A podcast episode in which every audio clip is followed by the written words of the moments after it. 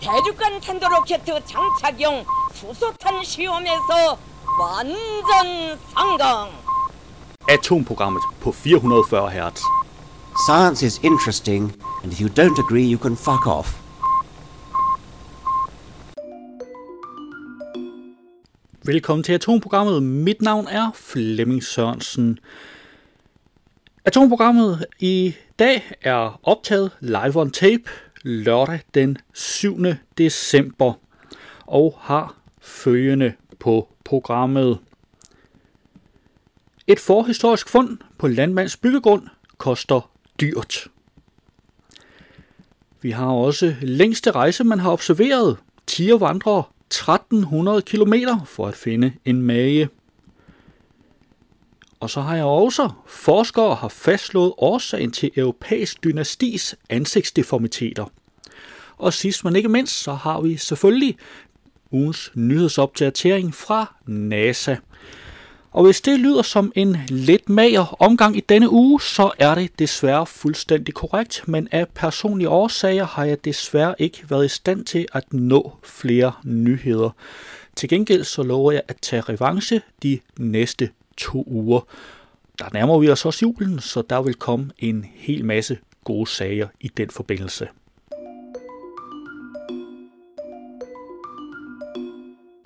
På Jyllandsposten fandt jeg, et forhistorisk fund på landmands byggegrund koster dyrt. En gravplads og syv huse fra jernalderen har ikke bare sat en stopper for en jysk landmands byggeri af drømmelandejendommen, men fundet sender nu potentielt set også en kæmpe regning i landmandens retning. Det skriver TV2 Midtjylland. Landmand Jonas Balleby købte i foråret en byggegrund ved Stoholm lidt uden for Viborg. Her gik han i gang med byggeriet af, hvad der skulle blive til et stort landbrug. Men han nåede slet ikke så langt. Under udgravningen af det område på grunden, hvor kostallen ifølge planen skulle stå, blev der i stedet fundet en forhistorisk gravsted, og i alt syv huse fra jernalderen. Ifølge museumsloven er det lodsejeren, altså Jonas Balleby, der skal finansiere udgravningen. Og den regning lyder nu på 250.000 kroner, fortæller landmanden til TV2 MidtVest. Et beløb, han ikke har råd til at betale. Det er penge, jeg ikke kan låne. De kommer til at gå af den sparegris, som jeg allerede har brugt af. Vi havde sat lidt penge af, fordi vi havde hørt, at sådan nogle situationer kunne opstå. Men slet ikke i den størrelsesorden, siger Jonas Balleby til mediet. Han mener, at loven, som den er indrettet i dag, stiller lodsejere i en uretfærdig situation, og at lovgivningen bør ændres. Det synspunkt kan afdelingsleder ved Viborg Museum, Camille, Camilla Filter eh, Terkelsen, godt tilslutte sig. Hun henviser dog til den gældende lovgivning. Det er en politisk beslutning, der er blevet taget. Så det er den, vi administrerer efter. Det er selvfølgelig ikke det sjoveste i verden, men så er vores rolle jo at gøre det hele så gnidningsfrit som muligt, siger afdelingslederen. Du kan selvfølgelig finde et link til artiklen i show notes.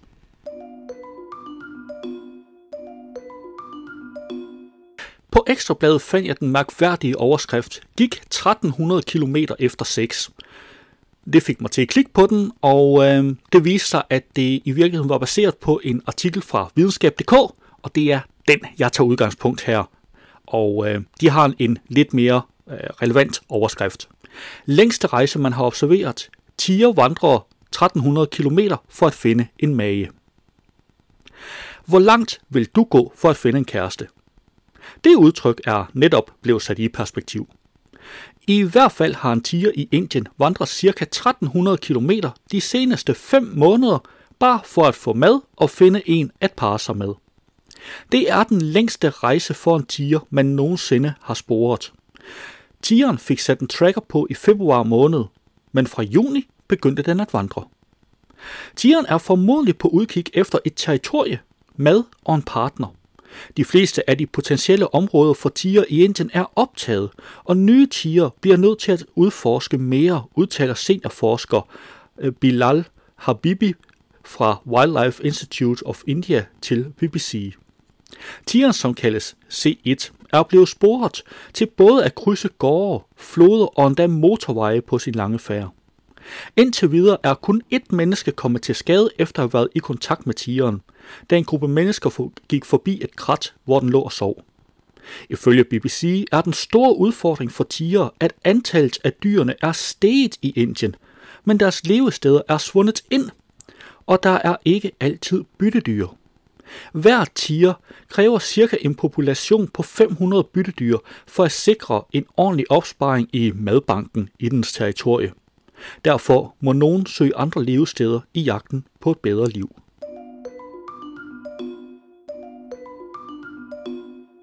På Jyllandsposten fandt jeg, forskere har fastslået årsagen til europæisk dynastis ansigtsdeformiteter.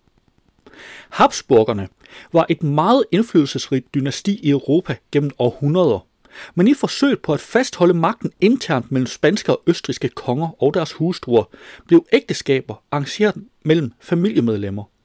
Og det førte til sidst til fyrsteslægtens fald i 1701, skriver The Independent. Mens indavlen førte til alvorlige problemer som manglende fertilitet, bevirkede den også den berømte fremskudte Harburgske hage, der karakteriserede en række af medlemmerne af slægten.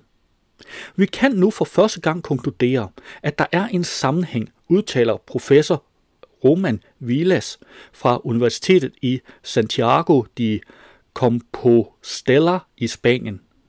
I forbindelse med studiet, publiceret i Annals of Human Biology, lod forskerne 10 anerkendte ansigtskirurger gennemgå 66 malede portrætter af Habsburgerne, der hænger på en række af verdens mest berømte museer. Kirurgerne forsøgte at finde tegn på to ansigtskarakteristika. En fremskudt, en fremskudt hage og en kombination af dominerende underkæbe samt markant næse. Den mest fremtrædende habsburgske hage blev fundet hos Philip den 4., der var konge i Spanien til 1665. En dominerende underlæbe og markant næse sås blandt andet hos den britiske Charles den 2. Omfanget af indavl indbefattede i alt flere end 6.000 individer gennem mere end 20 generationer. Habsburgerne var et af de mest indflydelsesrige kongehuse i Europa. Sidste medlem af den mandlige gren af dynastiet døde i 1740. Forskerne bag undersøgelsen gør opmærksom på, at indavl stadig er et problem i moderne tid. Det gælder blandt andet nogle geografiske områder og blandt visse religiøse og etniske grupper.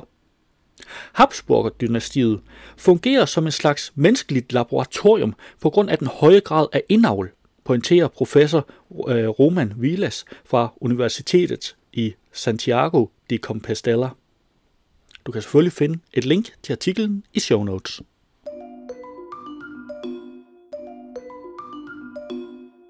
Hvis nu du havde hørt radioudgaven i stedet for podcastudgaven, så ville her komme This Week at NASA, NASA's ugenlige nyhedsopdatering. Men fordi vi har tilladelse til at sende This Week at NASA i radioen, så øh, er det ikke det samme som, at vi har tilladelse til at sende den i podcasten. Lyt derfor til radioudgaven af Atomprogrammet, eller gå ind på nasa.gov og find podcasten This Week at NASA. Ja, og det var jo så rent faktisk alt, hvad jeg havde for denne gang. Men øhm, nu nærmer vi os jo julen, og det kan ikke fuldstændig udelukkes. Nej, jeg vil faktisk sige, jeg har helt sikkert en masse gode sager i den forbindelse. Julen fra et videnskabeligt perspektiv. Det var hvad jeg havde for i dag. Vi løs ved næste uge, samme tid, her på kanalen.